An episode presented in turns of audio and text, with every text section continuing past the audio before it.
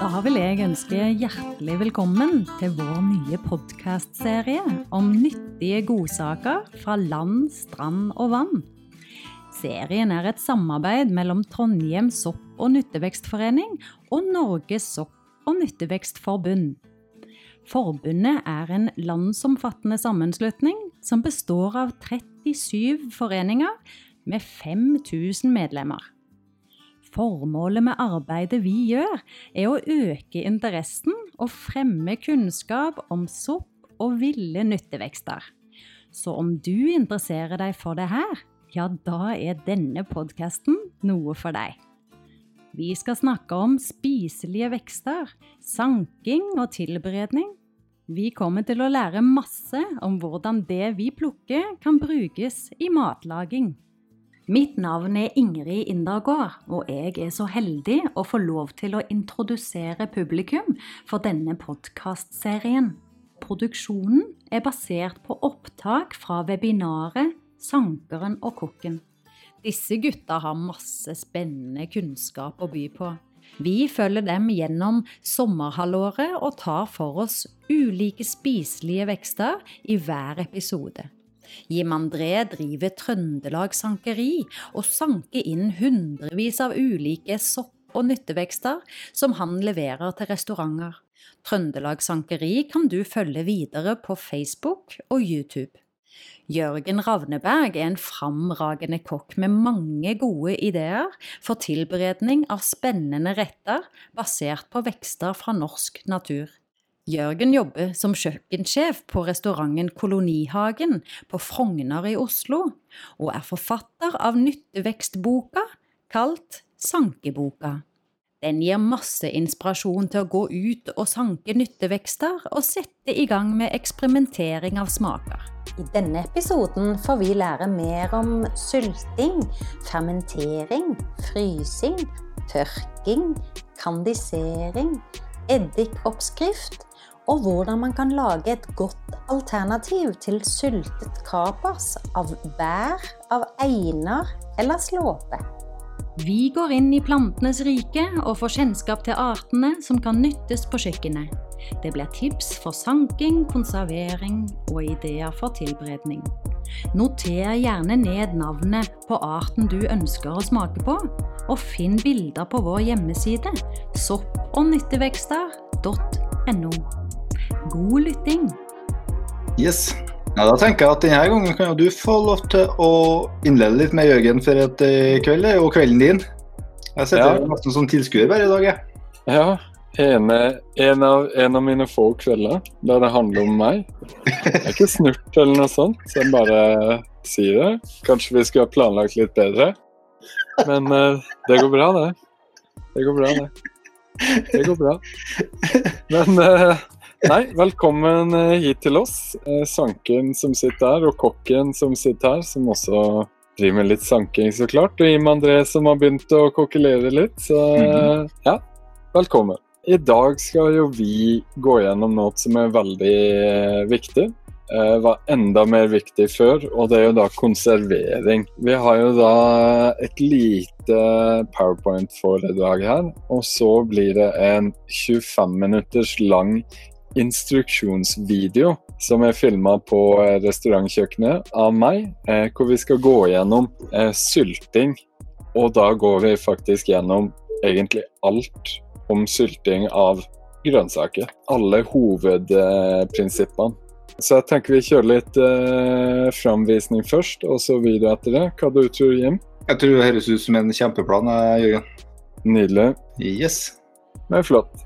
Da er jo konservering Det handler jo om at hvordan skal vi passe på at nytteveksten vårt skal vare hele året. Vi konserverer jo det for å bevare råvarens integritet, spesielt i land som Norge, hvor en lang og hard vinter betød mye mindre tilgang på ferske råvarer eh, og fersk mat i denne sesongen.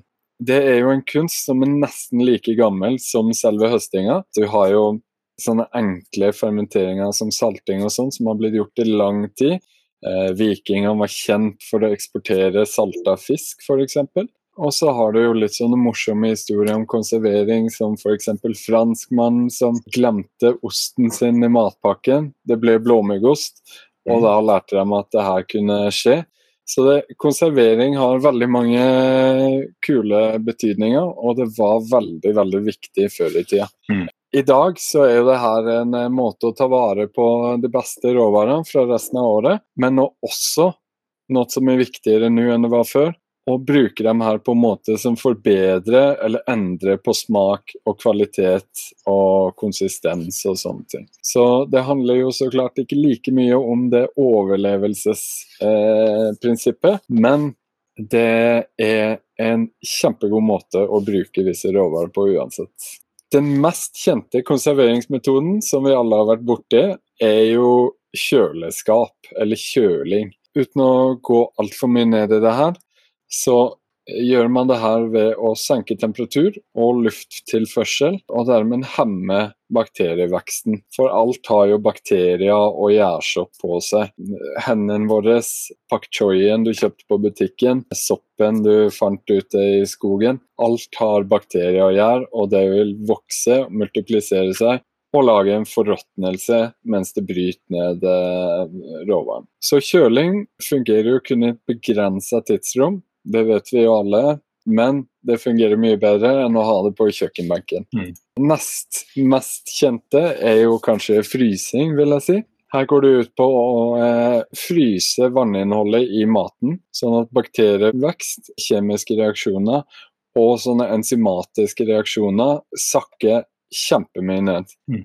Det skal sies at jeg vet det er mange som tror at frysing på en måte stopper ting, men det gjør det ikke. Det fortsetter selv om det er fryst, det bare går mye tregere. Og derfor så sier man jo at du ikke skal spise kjøtt som har vært på frys i over et år, da. Fordi at du har fremdeles en bakterievekst her.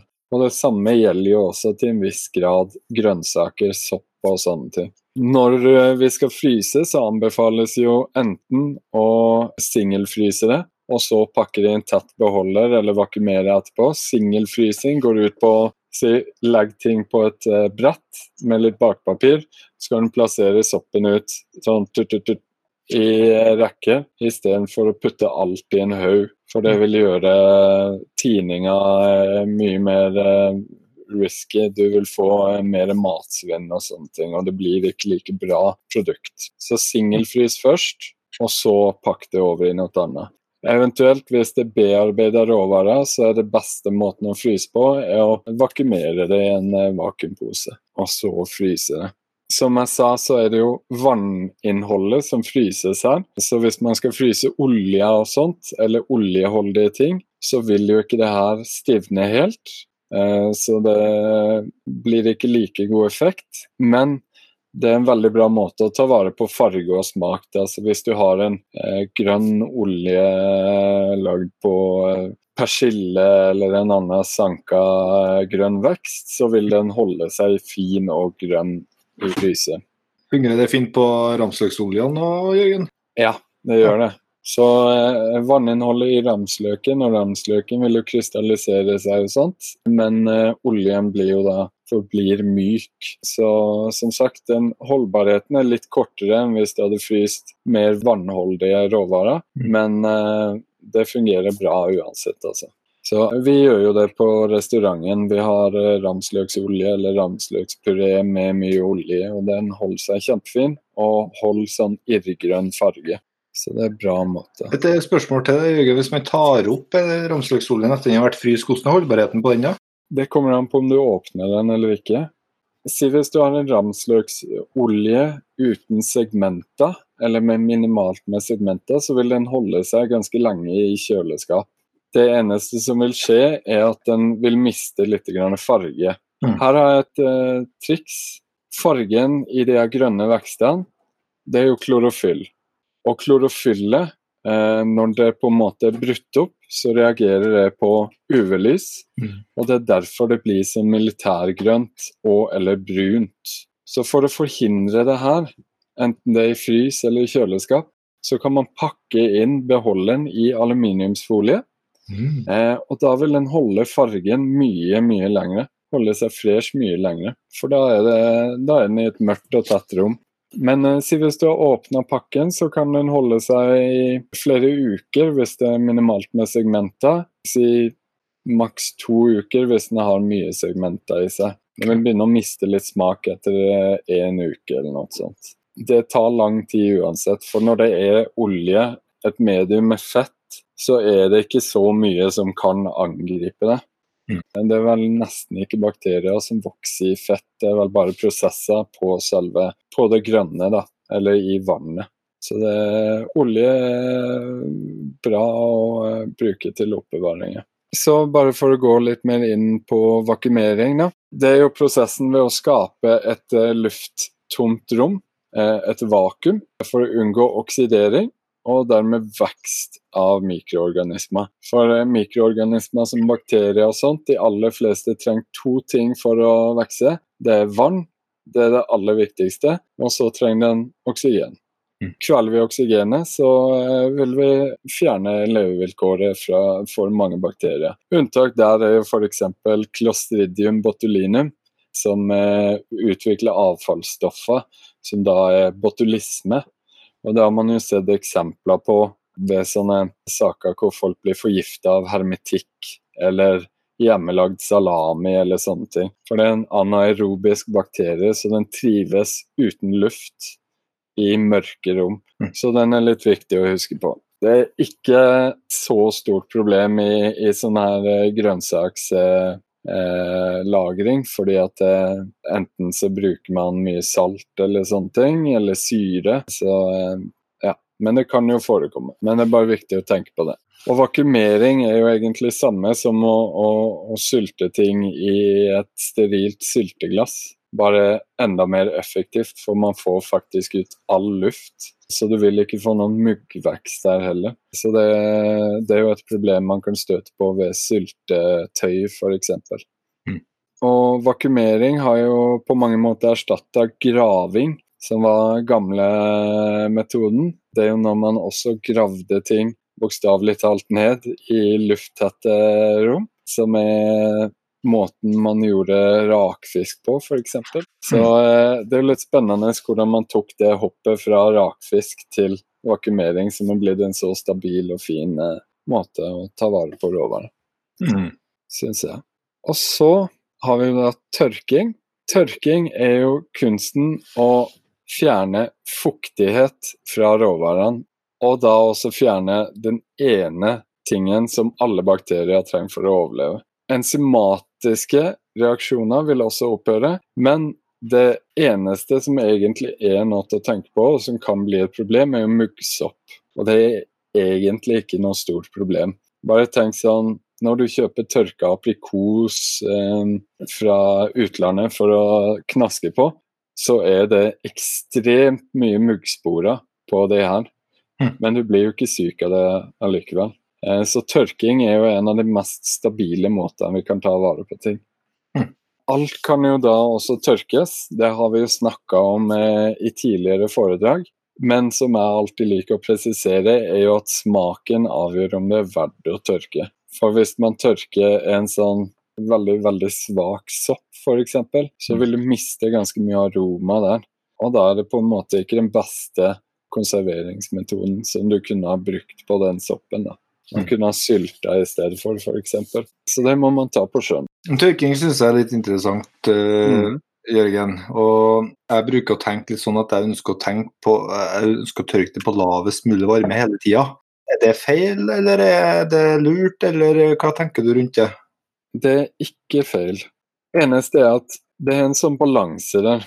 For lav temperatur over lengre tid vil gjøre at visse råvarer mister mer aroma, eller blir sånn ikke tørka fort nok og vil bli litt gammel eh, mens man gjør det. Og litt for høy og litt for intens varme på tørkinga vil gjøre at man mister smak på ting fortere, og at du kan få sånn innskrumpa og nesten litt karamellisert eh, råvare istedenfor. Så det er en balanse.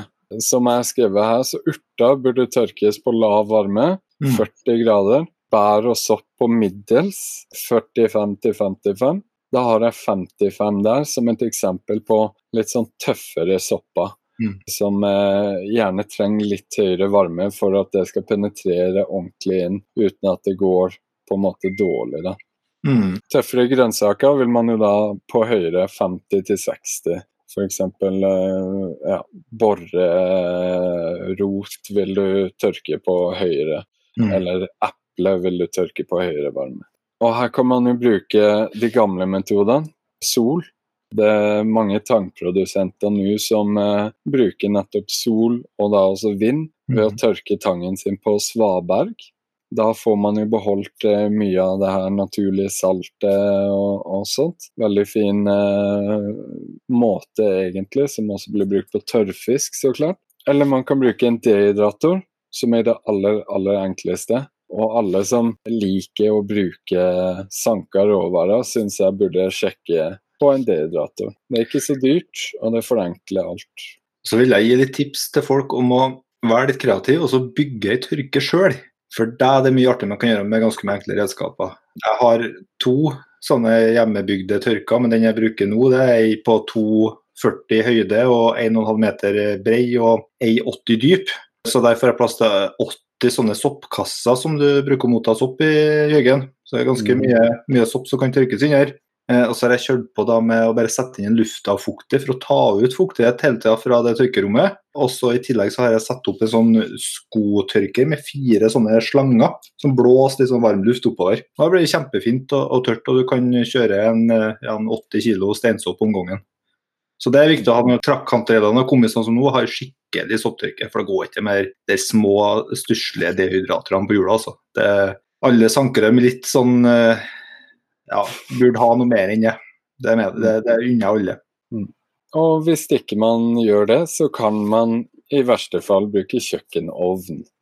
Da bare lar man ovnsdøra stå litt på gløtt, og så bare ha råvarene der inne. Og poenget med å ha den stående på gløtt er at fuktigheten får eh, slippe ut i større grad ut der. Men det er jo en metode hvor vi bruker mye mer strøm og mye unødvendig energi på å varme opp hele ovnen. Da. Og en dehydrator er aller best.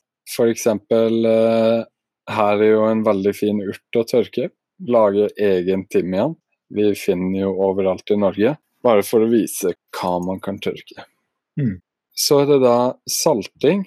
Det er jo mest brukt på eh, kjøtt og fisk, som vi vet, men det kan også brukes på frukt og grønnsaker. Her er det jo for å hemme bakterievekst i mat. Og det som skjer ved salting, er jo at de aller fleste bakterier dør, unntatt visse bakterier som faktisk koser seg selv om det er salt. Og først og fremst er det her melkesyrebakterier. Eh, og det her er de gode bakteriene, som man sier. Dem, det er dem som lager yoghurt, eh, kombucha, ja, forskjellige sånne ting. Den eh, bakteriefamilien som står for det, heter da lactobacillus, og er altså ja, veldig, veldig hyggelig bakterie. Vi har også den overalt, på hendene våre, i jord, eh, ja, overalt. Og veldig flott bakterie. Eh, Hvis man skal salte grønnsaker, så kan man bruke akkurat samme metode som på kjøtt og fisk. Eh, man kan tørrsalte, eller man kan lakesalte. Lakesalting f.eks. Eh, ville man jo ha gjort eh, til kapers. Da. Eh, tørrsalting er jo hvis man f.eks. skal ha rotgrønnsaker eller frukt som man skal eh, konservere. Det er også en veldig bra måte å legge eplebiter eller barbrabiter eller sitronbiter eller noe sånt på eh, salt, og så på tørrvarehylla. Og så bare la det stå der og glemme det litt. Og så kan man lage sånn fermenterte, saltfermenterte frukt som gjør seg skikkelig godt som bare sånn fruktsalt. Fermentert fruktsalt. Eller videre i bakst eller lignende. Så det det er skikkelig, skikkelig godt. Det lærte jeg faktisk av um, Mette på eh, Røst. De eh, hadde sånn fermentert sitronsalt som de brukte til den her potetbrødet sitt, fermentert potetbrødet sitt. Så jeg testa etter det med masse forskjellige frukt og grønnsaker, og det blir bare sånn Det blir skikkelig kult og skikkelig unik aroma og smak på det. Så det anbefaler jeg å, å prøve litt ut, altså. Og Her har vi også på en del av de skarpe riskene som vi har snakka om, at eh, Mm. salting er en veldig fin, fin metode for å få, få bort den skarpheten, og, og ikke minst oppbevare dem over tid, òg, for da kan de ligge på salt i, i lang tid. Nettopp. Nettopp. Og de holder seg så bra her, for som sagt, det eneste som skjer her, er at melkesyrebakteriene vokser, og de eh, skiller ut enzymer som har prosesser som bryter ned og endrer på smaken på, eh, på eh, råvaren. Så Mm. det er en eh, fantastisk kul eh, prosess til det. Mm. Og her er jo et eksempel på noe som har eh, gått på saltlake med litt eddik. Da. Det er jo da rognebærskapers. Mm. Så, ja, spennende. Så har vi jo da fermentering. Jeg må bare si, jeg skulle virkelig ønske at jeg kunne gå enda mer i dybden her og vise til masse oppskrifter og sånt, for det er så mye kult i de her konserveringsemnene som eh, Norden har blitt skikkelig bra på å ta opp igjen i de seneste 10-20 årene. Mm. Men vi har ikke den tida. Jeg kan anbefale en bok, da. 'The Art of Fermentation' av Sandor Alex Katz. Den er fantastisk bra, og den tar for seg alt av konservering og fermentering. Den har jeg brukt mye i min opplæring. Men ja, fermentering eller gjæring er da prosesser hvor sukker, som da er karbohydrater, omdannes til alkohol, syre eller karbondioksid. Dette brukes jo til produksjon av alkohol eller kombucha, eh, kimchi, rakfisk og masse, masse mer. Altså miso, you name it. Det, ja, det er så stort emne, og det er sinnssykt spennende. Og da, som jeg nevnte tidligere, så er vi ute etter fermentering ved hjelp av melkesyre, eller melkesyrebakterier. Og det vi gjør da, er at vi salter det for å drepe alle andre bakterier, sånn at melkesyrebakterier får plass til å feste seg, vokse, surne ned pH-verdien, og dermed også sørge for at ingen andre bakterier får fotfeste. Det er derfor fermentering er safe hvis det blir gjort riktig. Nøkkelen er eh, salt i de fleste ting, eller syre i andre ting. Det er kjemi oppi det her, det er pH-verdi og sånt, men det er, ja, det er spennende. Si f.eks. da kimchi, bare for å nevne en av mine mest brukte fermenteringsmetoder. Det blir jo tradisjonelt gjort på kål, men man kan bruke absolutt alle råvarer og smaker som man vil. Eh, vi kan eh, lage soppkimchi, vi kan lage borrekimchi, vi kan lage urtekimchi, altså you name it. Det er bare fantasien som setter grenser her, og det er en sånn god basisoppskrift. Det viktigste er at du har ferske råvarer og 5% salt av den totale mengden eh, grønnsaker eller urter, og da vann. Så, men det er mye enklere enn man tror det er, og det må ikke bare være kål i det hele tatt.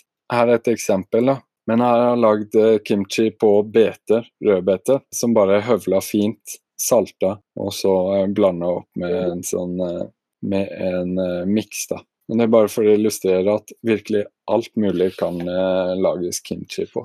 Så det Nei, kjempe, kjempegodt blir det også. Så har vi jo da kandisering, som jeg kaller det, men som jo er sylting, eller sukkersylting, og som eh, bruker hermetisering. Det her er jo da kunsten å varme opp råvaren sånn at sopp og bakterier dør. Du gjør det så sterilt som det kan gå. Det er ikke alt som dør, så klart, men eh, mesteparten gjør det. Og så oppbevarer du det i tette og sterile beholdere, sånn at nye vekster ikke kan oppstå. Eksempel her er jo syltetøy eller pickles eller safting. Man kan jo også bruke råvarer i eh, sukkerlake, som f.eks.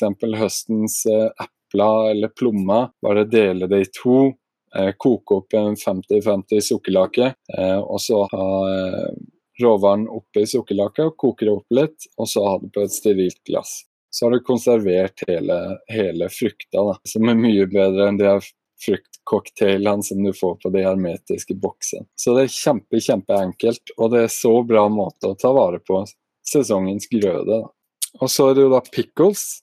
Da har du jo forskjellige slag av pickles, men fellesnevnen her er jo at det er eddik med i blandinga, som gjør pH-verdien sur, som igjen med samme effekt som melkesyrefermentering, eh, gjør at bakteriene har eh, vanskeligheter med å feste seg. Så det er jo basisprinsippene. Tyttebær er kjempegodt til sylting, Mm. f.eks. Og det var det jeg hadde akkurat her. Så før vi går videre til videoen, Emanuel, hva, Mhm. har du noen spørsmål? Jeg syns det, eh, det kom veldig godt fram. her. Jeg tenker jo, Det er jo så vanvittig viktig at vi lærer en del av de metodene her. eh, For det er jo så mye gøy ute i naturen på høsten av sopp og planter og grønnsaker eh, som vokser vilt. Det er jo helt vanvittige mengder. Og Man klarer ikke å bruke alt det der med en gang, så man må jo gjøre noe med det. Og så jeg tenker, Man må bare teste og jobbe med det. Sånn Sylting er noe som jeg har begynt med i det siste. Det syns jeg er en kjempegenial måte å få, få lagra ting på over tid. Mm. Enkelte ting varer jo bare en 14 dager ute i naturen, og så et år til neste gang. Så, så vi må jo finne metoder å gjøre det på. Nettopp. Så jeg syns det er veldig synd at det er litt glemt. At vi begynner å bli vant til å bare gå i, butikken og finne det som er tilgjengelig der, men at vi, at vi må lære oss å, å lagre maten i større Mm. Og bruke den, ikke minst.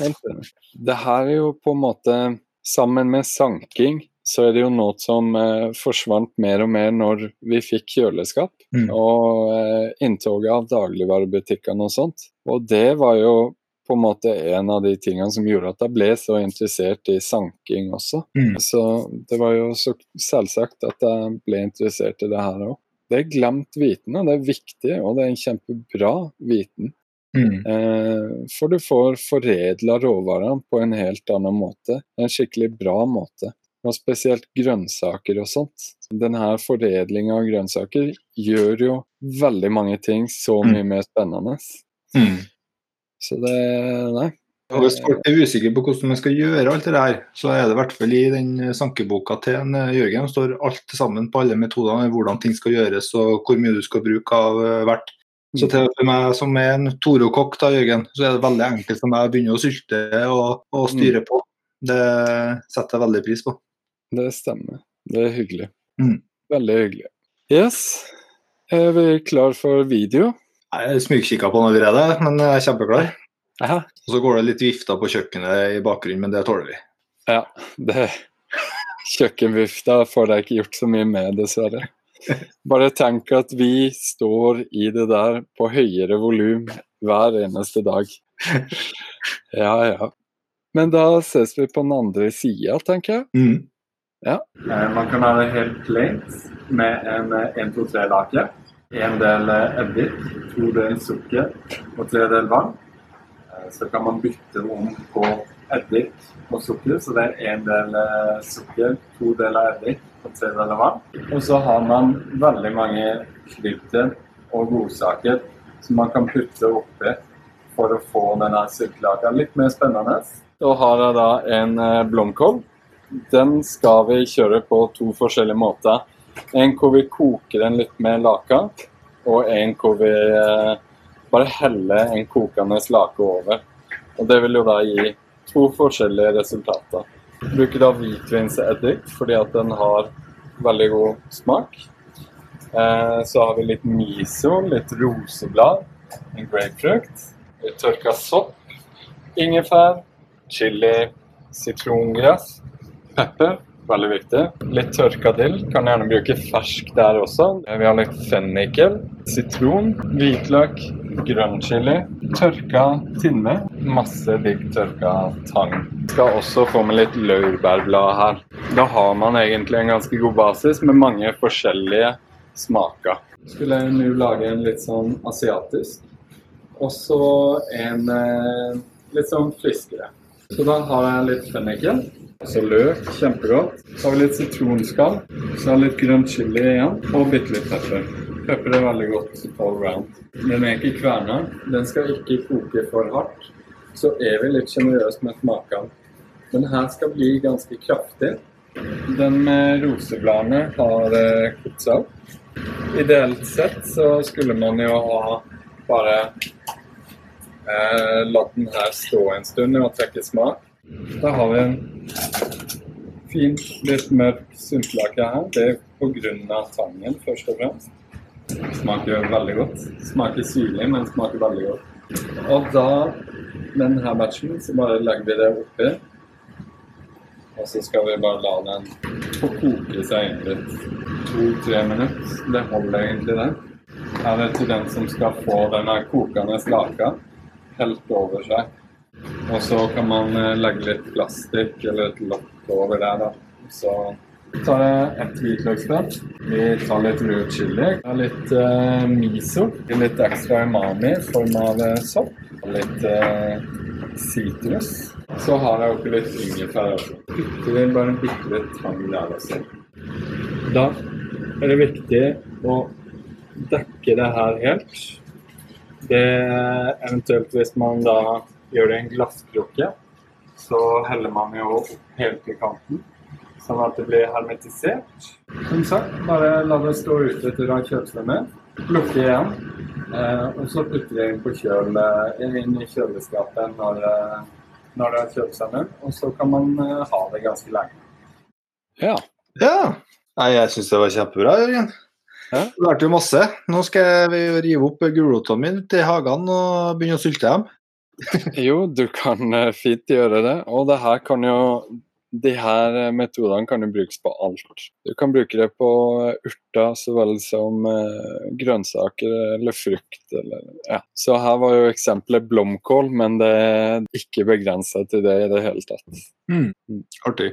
Det, så ble jeg litt nysgjerrig på det, det tangen du bruker. Kjører, har du primært tang stående som pulver som du bruker ved behov? Er det litt sånn du bruker den ofte? Ja, jeg er jo glad i å bruke tangpulver i det meste. Veldig versatilt. Da har vi det som både krydder, kan blandes med salt.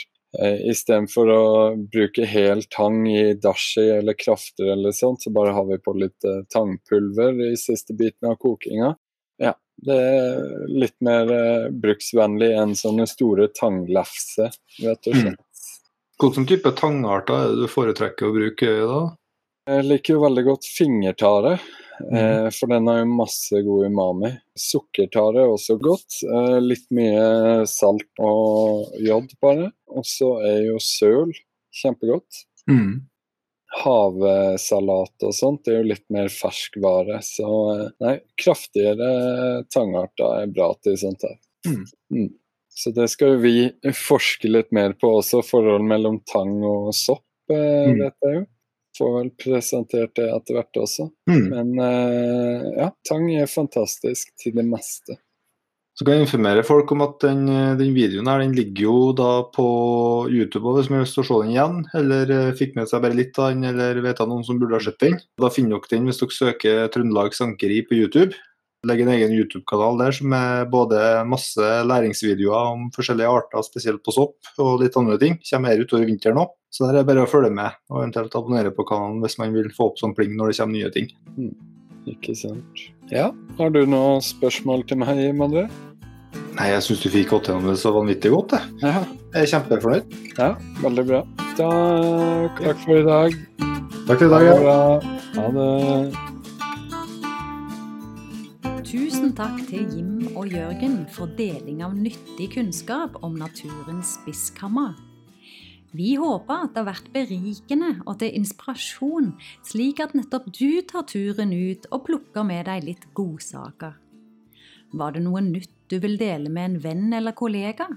Eller noe du vil overraske familien med til middag eller dessert? Det kommer flere episoder i denne podkastserien, så husk å abonnere på denne podkasten. Del den gjerne med de du tror både kan nyte og ha nytte av den. Masse å glede seg til fremover her. Bli med oss også i neste episode. Da skal Jim, André og Jørgen ta oss med på nok en kulinarisk reise. Vi skal da lære mer om spiselige røtter, som klokkerøtter, pastinakk, gulrot, borre, pepperrot og løvetann. God sanking og på gjenhør neste uke.